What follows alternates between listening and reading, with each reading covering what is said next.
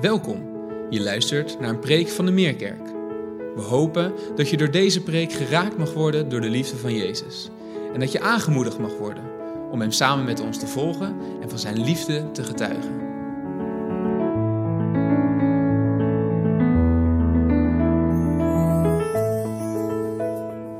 Nogmaals, goedemorgen. Wat fijn om elkaar te zien. En wat zijn we nog vol. Tenminste, dat proef ik in alle reacties. En er is al veel aan gememoreerd. Het feest van afgelopen zondag met de inzegening van Patrick en Remy tot predikanten van onze gemeente. En uh, Patrick zit in de zaal, Remy zit hier naast bij onze jongeren. Maar als ze hier bij me gestaan zouden hebben, dan zouden we in koor gezegd hebben: Dank jullie wel voor zoveel blijken van liefde, van zorg, van gebeden, van meeleven, van ja, als het ware jullie zegenende handen ook op ons leggen. Um, ontzettend veel dank. En wat houden we van Gods huis? Dat is dit seizoen toch zo ontzettend veel uh, tot me doorgedrongen. Uh, wat zoeken we ook naar een huis met elkaar en wat is het goed om weer fysiek bij elkaar te komen. En ik kijk ook even in de camera. Uh, ik hoop voor degenen die uh, er zo graag bij hadden geweest dat het volgende kan blijven gebeuren. En ook dat je je thuis voelt. Sommigen zullen zeggen, ja, het, zit er voor mij niet meer in om hier te komen. Anderen uh, hopen nog te komen. Anderen konden misschien niet of dachten, nou, ik vind het wel makkelijk thuis. Ik wil je zo oproepen waar je kan, kom weer. Want wat houden we van elkaar en dat om Gods huis en wie God in Christus voor ons is. En ik heb het intens beleefd, het feest van afgelopen zondag. En ik denk dat dat intense ook ligt in het feit dat onze kinderen en onze jongeren erbij waren. En onze kinderwerker Henrike zei het zo terecht. Deze kinderen zullen opgroeien met Patrick en Remy als hun predikanten. En ik heb hier het cadeau verstopt achter de tulpen van wat wij kregen. Patrick, Remy en ook ik kreeg het. Uh, die prachtige collage van zegenende handen van onze Meerkids kinderen. En toen ik uh, deze overhandigd kreeg, we hebben net een foto gezien, uh, kwam er een jongetje van de Meerkids die draaide zich naar mij toe en zei: Meneer, meneer, kijk, mijn hand staat er ook op. Uh, kijk, die is van mij. En die woorden zijn blijven hangen. Die woorden zijn blijven hangen. De hele week heb ik daaraan gedacht. En al die handen, die kleine zegenende handen, sommige met, nou, die amper hun naam konden schrijven, zo kostbaar, maar die als het ware zich wilden voegen hier op het podium bij ons om te zegenen. Ze hadden het verhaal van uh, de zegening, de zalving meegemaakt. Uh, in Meerkids, prachtig gekozen door de leiding, compliment waar Samuel David tot koning zalft. En ze hadden iets begrepen van wat het betekent om de ander te zegenen. Mijn hand staat er ook op. En ik dacht steeds weer afgelopen week, ja, geen zegenende hand mag gemist worden in Gods huis. Van niemand niet. Van de kinderen niet, van de ouderen niet en van niemand niet die daar in leeftijd tussen zit. En dan kijk ik meteen naar John, opdat niemand zal zeggen, het is voor een ander om te zegenen en niet voor mij. Het is voor een ieder. Ook voor u, voor jou, voor mij mogen wij zegenende handen hebben. Hoe klein we ook zijn, hoe oud we ook zijn. En de afgelopen stond ik nog even te praten met Mieke Thomas, geboren Brunt. Haar moeder kwam vroeg bij ons in de gemeente. Ik ken het gezin Brunt, enorme uh, inzet. Met hun handen zou je kunnen zeggen, maar ook met hun hart en hun geestelijke handen. Tweede Wereldoorlog, onderduikers in huis gehad met gevaar voor eigen leven. En Mieke en haar moeder kwamen bij ons in de Meerkerk. En zij was op een gegeven moment onze oudste Meerkerker. En op een gegeven moment kwam ze in tranen naar me toe. En zei ze... En ik stond hier dus te praten met die collage in mijn hand met Mieke... afgelopen zondag na afloop. En ik zei, Mieke, ik moest zo denken aan jouw moeder. En ze wist precies waar ik het over had. Want op een dag kwam mevrouw Brunt en, uh, met tranen in de ogen en zegt... Ja, Wiggelen, ik, ik kan helemaal niets meer. Ik kan helemaal niets meer. En ze was zo actief geweest en had haar talenten zo ontzettend ingezet met het gezin. En ook Mieke in haar voetstappen. Decennia gediend in de Meerkets, Mieke. En beide kregen weer tranen in mijn ogen, want we wisten dat moment dat ze dat tegen me zei, dat ik naar haar handen keek, gerimpeld, een beetje verschrompeld bijna. En ik pakte haar handen en ik zei, zuster Brunt, u doet het belangrijkste met uw handen wat u kunt doen in uw hele leven. Nu u denkt niets meer te kunnen. Want die handen kunnen gevouwen worden en die kunnen zegenen. En ik wil u danken voor uw gebeden voor mij, want ik weet dat u elke dag voor mij bidt. En elke dag bidt voor onze gemeente. En alle, elke dag bidt voor de hele generatie kerk die wij zijn. Uw handen doen het belangrijkste zegenende werk als gevouwen handen. Nu, vaak zeggen we, we zijn meerkerk van 0 tot 100. En dat heeft dus ook alles te maken met dat we allemaal zegenende handen mogen hebben. Vanmorgen hebben we uit Matthäus 25 de gelijkenis gelezen van de talenten. Die talenten hebben veel te maken met die zegenende handen. En dat geen hand gemist mag worden. We lezen in het verhaal een gelijkenis, een parabel, sommigen zullen dat woord uh, kennen. We lezen over drie dienaren van een man, van een heer. En van hun heer krijgen deze dienaren een aantal talenten toevertrouwd. Even de achtergrond, een talent is een bepaald gewicht zilver. Dus niet een talent wat wij zeggen, joh, die en die is getalenteerd, Irene Schouten of noem maar een grote sporter op met enorm sporttalent. Nee, een talent is in de Bijbel een gewicht aan zilver. Dus eigenlijk gewoon een betaalmiddel. Je, je betaalde in een aantal talenten zoals we nu in euro's betalen. Het gaat in de gelijkenis dus om een geldbedrag. Het gaat dus om een geldbedrag dat iemand toevertrouwt, een heer nog wel aan zijn dienaren. Daar spreekt enorm veel vertrouwen uit. Ik vond het eigenlijk mooi, Trea, dat jij je versprak in de, in de lezing. Want je zei uh, dat die man uh, dierbaren had.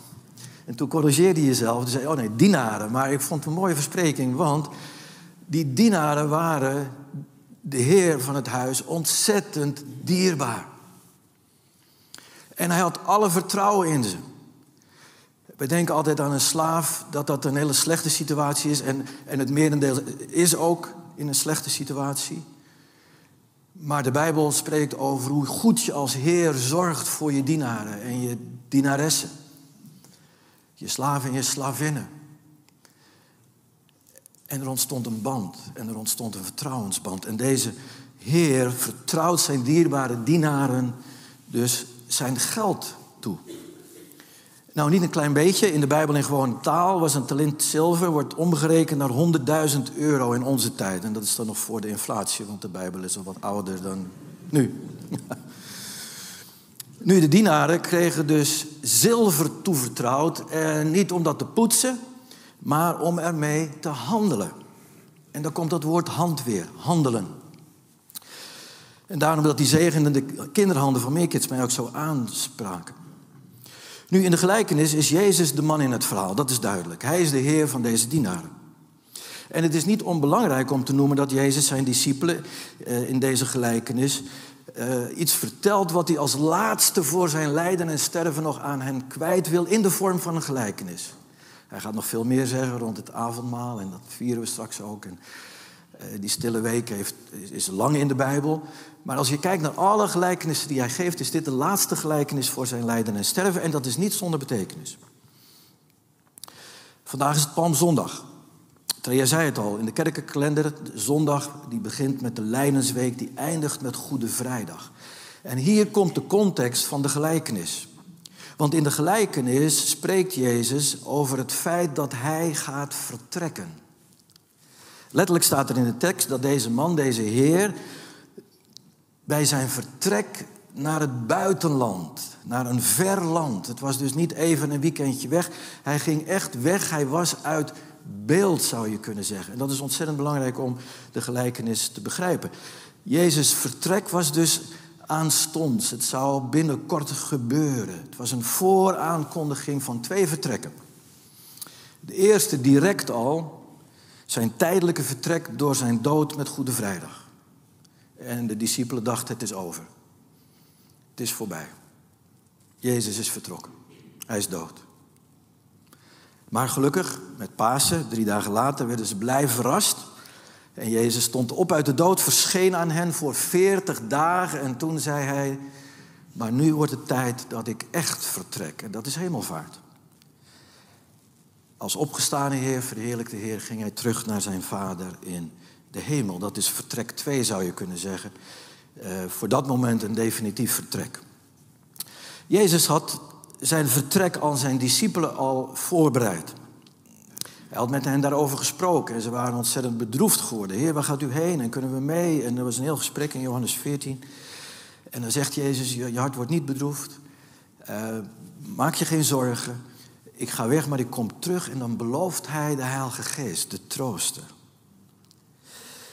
Nou, over dierbare dienaren gesproken, de discipelen. Luister hoe teder Jezus spreekt in Johannes 14. En lees met me mee van de schermen. Het is bijna ontroerend. is ontroerend.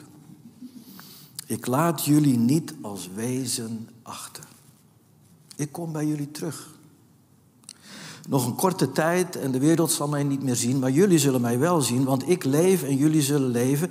Dan zul je begrijpen dat ik in mijn Vader ben, dat jullie in mij zijn en dat ik in jullie ben. Nu ook dit is de context van de gelijkenis.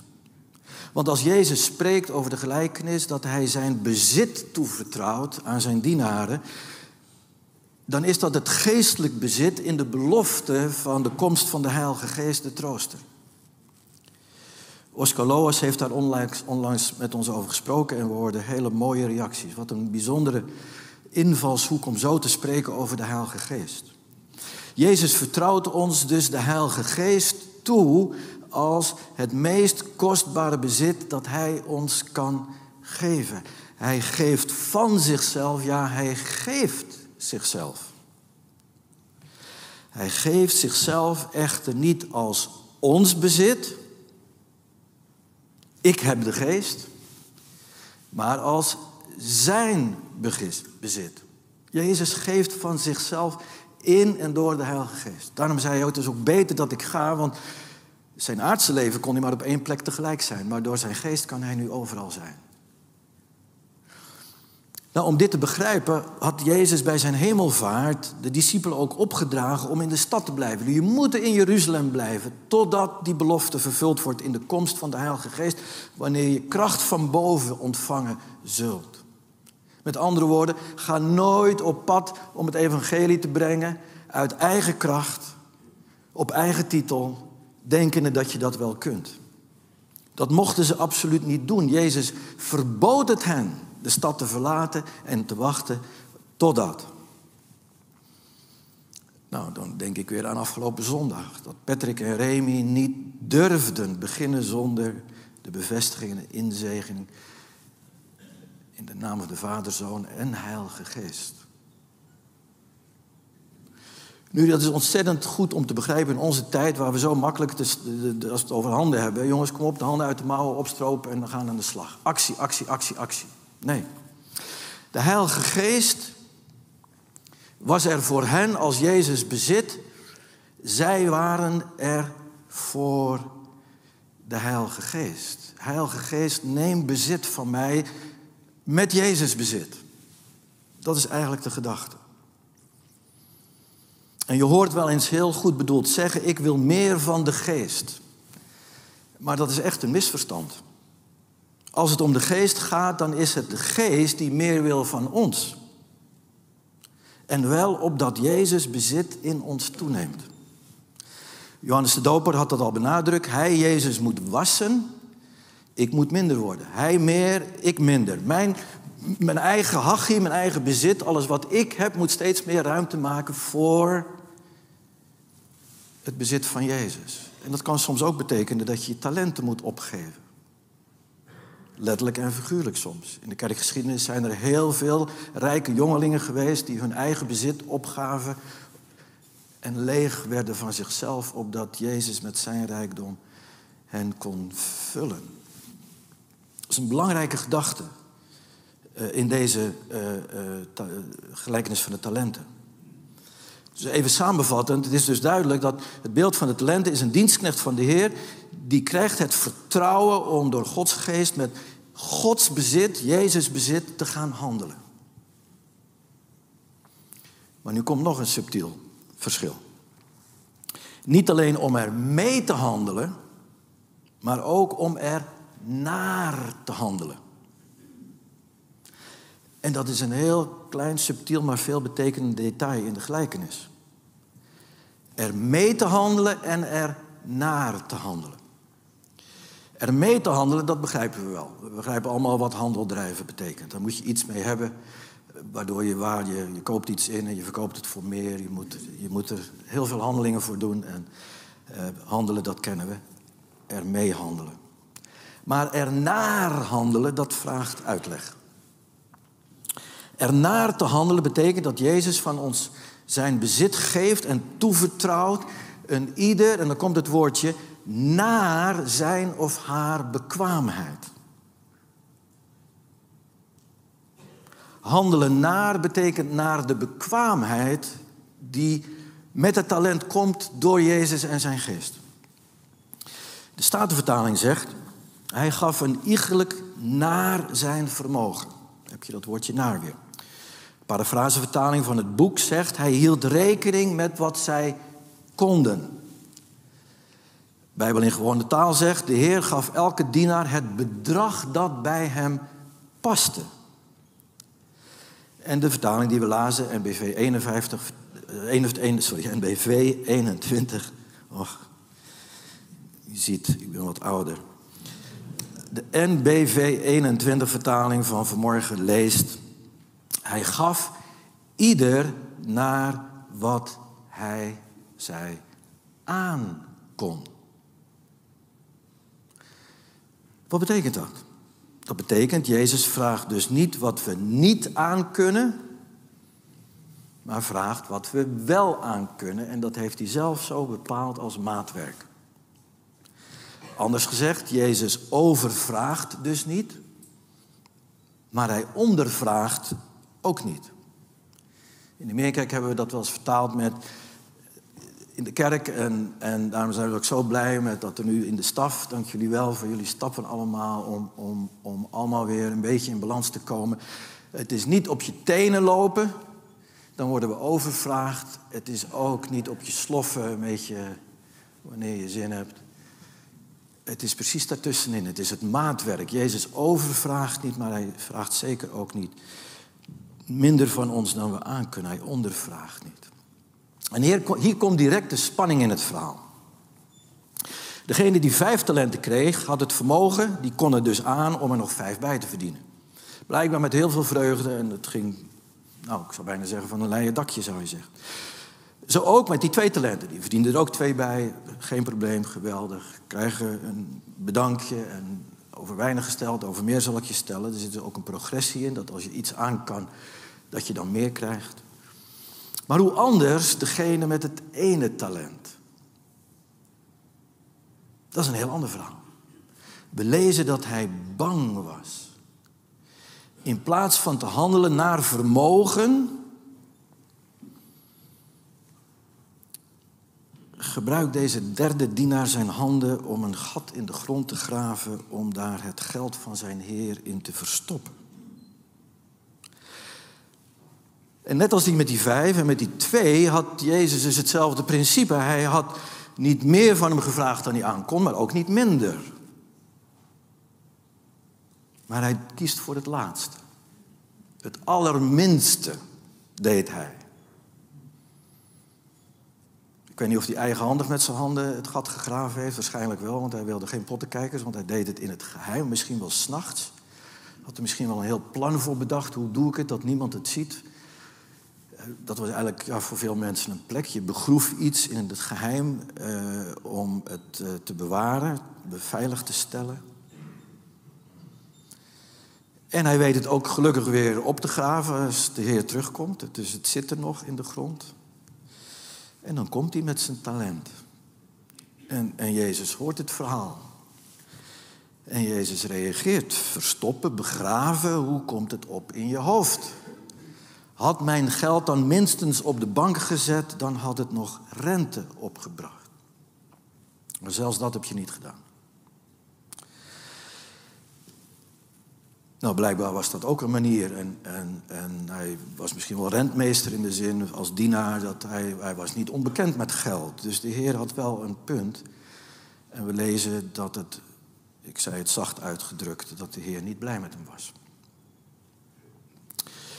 Nu, dat woord voor rente is ook even goed om bij stil te staan. Dat is een interessant woord. Het Griekse woord Matthäus gebruikt is tokos en dat betekent letterlijk nakomenschap, nakomelingschap. Zoals bij een geboorte van nageslacht, een zoon, een dochter, nakomelingschap. Geestelijk gezien verlangt Jezus dat zijn bezit in ons door de Heilige Geest nakomelingschap krijgt, vrucht draagt. Geestelijk een zoon en dochter zou je kunnen zeggen. Nou, als je dat weer ziet in de context, dan is dat heel duidelijk. Op de dag van Pinksteren moeten Petrus en de andere discipelen deze betekenis pas echt zijn gaan begrijpen. Vergeet niet, voor hen was elke uitleg van Jezus, elke gelijkenis, elke gebeurtenis was weer, oh wauw. En, en we, zien ook dat ze absoluut de Heilige Geest nodig hebben om alles te herkennen wat Jezus gezegd heeft. Denk aan de Emmersgangers, die die, die hadden zoveel in hun hoofd en konden het allemaal niet meer plaatsen en waren bedroefd. En dan moet Jezus hun de ogen openen. Zo is het ook gegaan bij de discipelen zelf. En wat moet dat een ervaring geweest zijn op de dag van Pinksteren? Want was het nu niet precies op de dag van Pinksteren dat de Heilige Geest kwam en middels Petrus en de andere apostelen de eerste nakomelingen gaf? De eerste oogst, de eerste vrucht, de eerste tokos zou je kunnen zeggen. Waarom? Omdat ze gewacht hadden op de Heilige Geest, niet uit eigen kracht aan de slag waren gegaan. En dat de Heilige Geest in hen het werk deed. En die eerste nakomelingen, Petrus moet verbaasd zijn geweest. Dat hij daar ging staan op die zeepkist en zijn mond opendeed. En Jezus verkondigde. Beleed. Net als Matthäus 16. U bent de Christus, de Zoon van de levende God.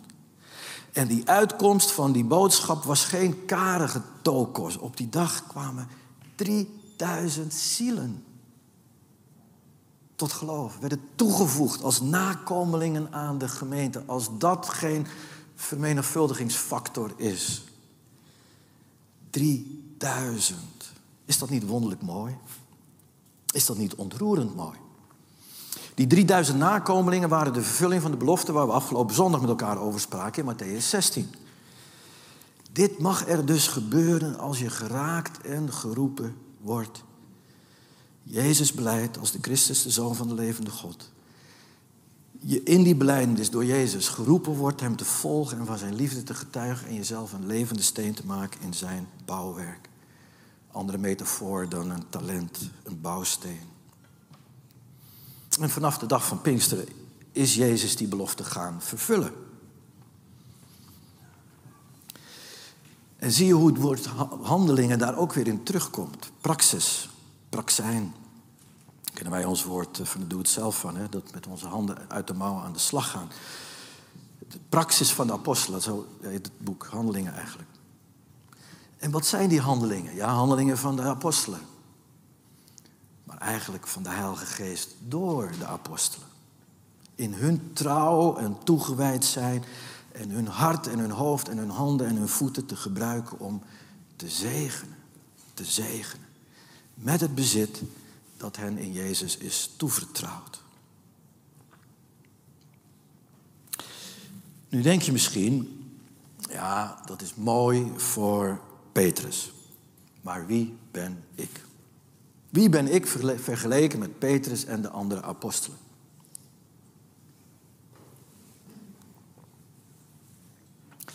En dan kun je misschien wel bijbelse woorden aangeven. Petrus een vijftalenter.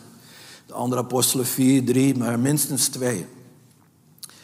Maar ik, ik ben maar.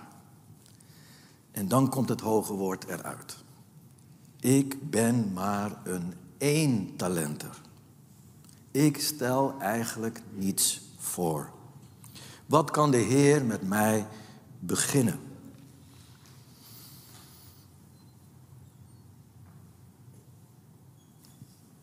Probeer je in de huid van Jezus te verplaatsen. En ik vond het zo mooi wat Patrick zei.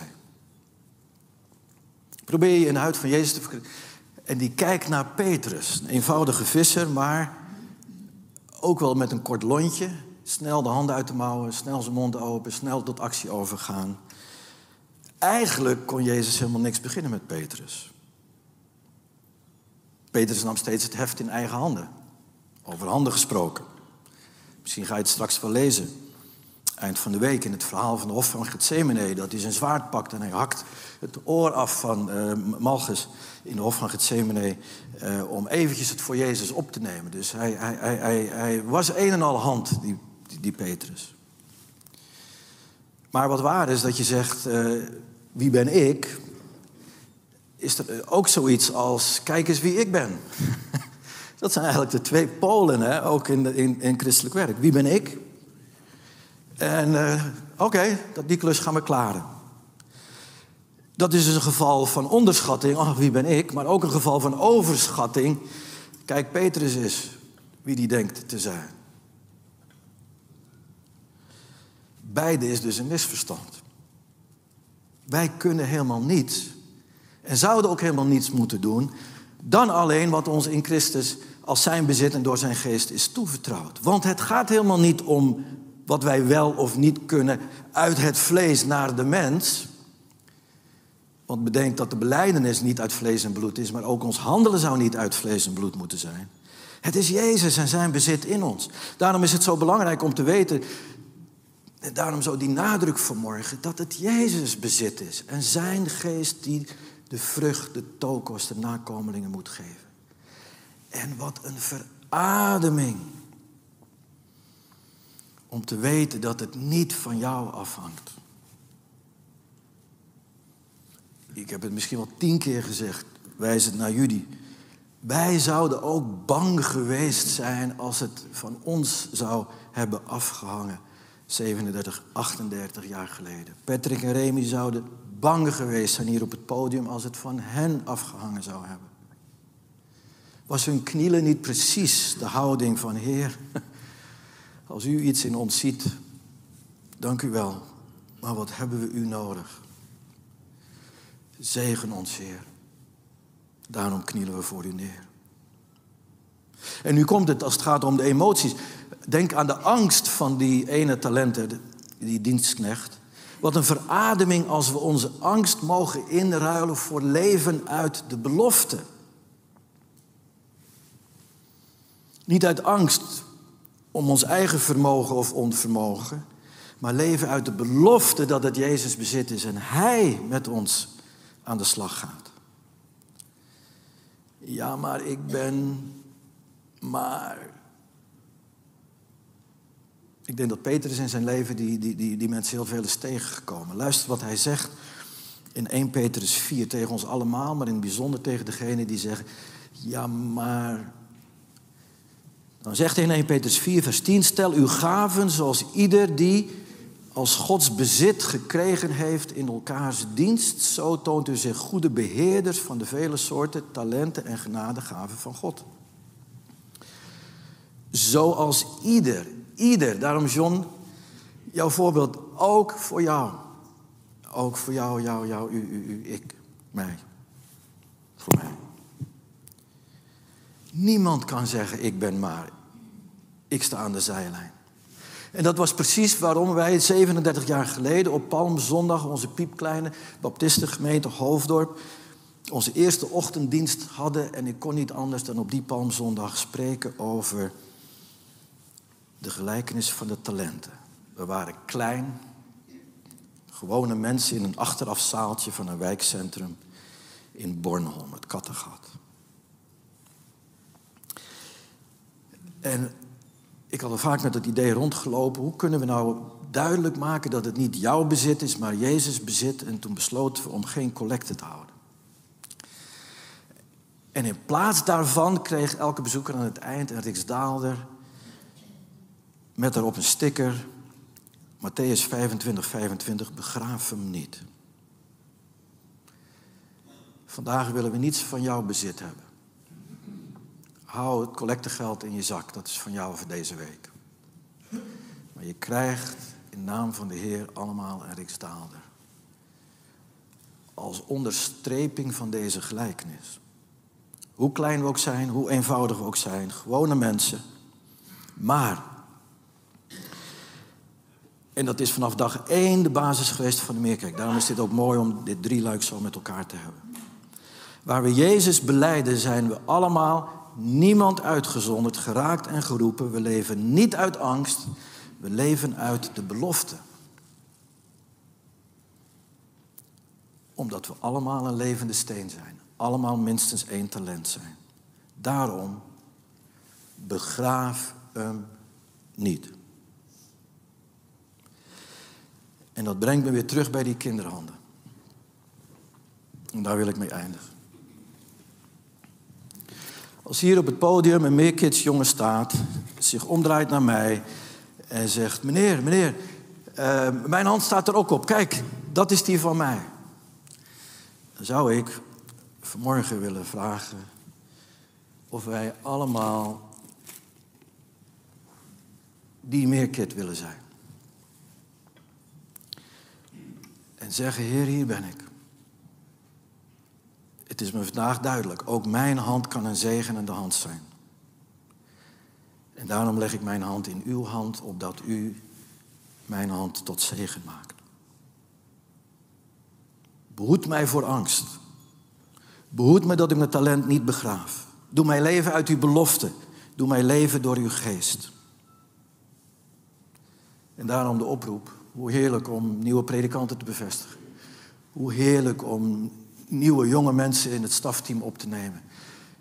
Maar staf en predikanten zijn niets als we niet een gemeente samen zijn die zegt allemaal willen we onze talenten leggen in de hand van de Heer en zeggen, doe het Heer. Allemaal willen we onze hand leggen in de hand van de Heer.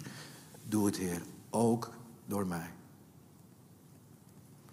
Nou, daarmee is de drie, het drie luik rond van onze inzegening, bevestiging. En zelfs zo mooi zoals Colette gezegd heeft, wat geweldig dat eigenlijk waar we het niet verwachten. Dat we dit nieuws konden brengen over de balans in de staf en dat het weer op sterkte is. Maar nu ook de vraag, is onze gemeente ook op sterkte? En dat gaan we niet, eh, daar gaan we niet mee leuren, daar gaan we niet uh, uh, mensen onder druk mee zetten. Dan verkondigen we het evangelie en zeggen, ach, dat we allemaal geraakt en geroepen zijn. En allemaal zeggen tegen elkaar, kijk, in de meerkerk. En heel bescheiden, dat is mijn hand. Dat is mijn hand. Zullen onze handen vouwen en onze handen toewijden aan onze Heer. Heren, dank u wel dat we deze drie bijeenkomsten mochten hebben in de afgelopen weken.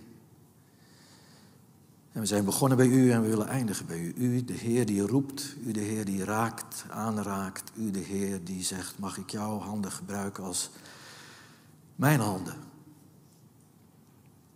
In door jou heen. Als één talent, als twee talenten, als drie talenten, als vier talenten, als vijf talenten. En laat niemand zeggen, ik ben maar. Ik wil u nogmaals danken voor de nagedachtenis van onze zuster Brunt. Ik wil u danken voor onze senioren, die niets meer kunnen naar de mens gezien, maar wiens hart naar u uitgaat. En die hun handen vouwen, zegenend vouwen. Voor hun dierbare, voor onze dierbare gemeente. Voor ons allemaal. We willen bidden voor onze kleinsten. Wilt u hun handen ook nemen en zegenen. En leiden aan uw hand, de leidsman en voleinder van ons geloof. En zo willen we een moment stil zijn. Ons hart onderzoeken en zeggen, Heer, wilt u mijn angst wegnemen. En geef me dat ik leef uit de belofte. Wilt u mijn jamaren wegnemen. Wilt u mijn onderschatting, maar ook mijn overschatting wegnemen. Opdat ik mag leven uit u, door u en tot u. Zo willen we een moment stil zijn. Ons hart en ons hoofd en onze handen leggen in uw handen. O, raak ons aan. Roep ons. Doe het in deze momenten van stilgebed.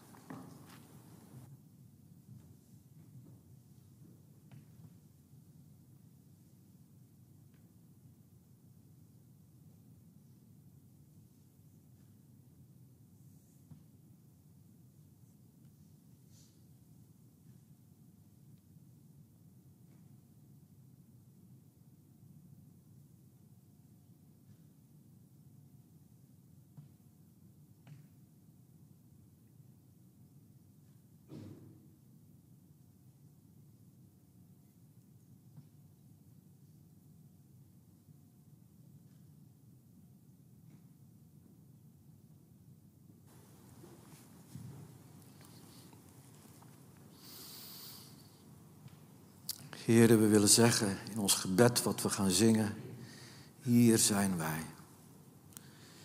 Vernieuw ons denken, open ons hart. Mogen uw stem verstaan, u gaf uw leven. Wij hebben leven dankzij uw dood. Mogen we uw talent ons toevertrouwd, niet begraven, maar door uw Heilige Geest inzetten tot uw eer. Tot opbouw van het huis. En wat houden we van uw huis? En dat alles. Omwille van uw naam. De naam van onze Heer Jezus Christus. Hem komt toe alle lof, alle heerlijkheid. Tot in eeuwigheid. Amen. Fijn dat je hebt geluisterd.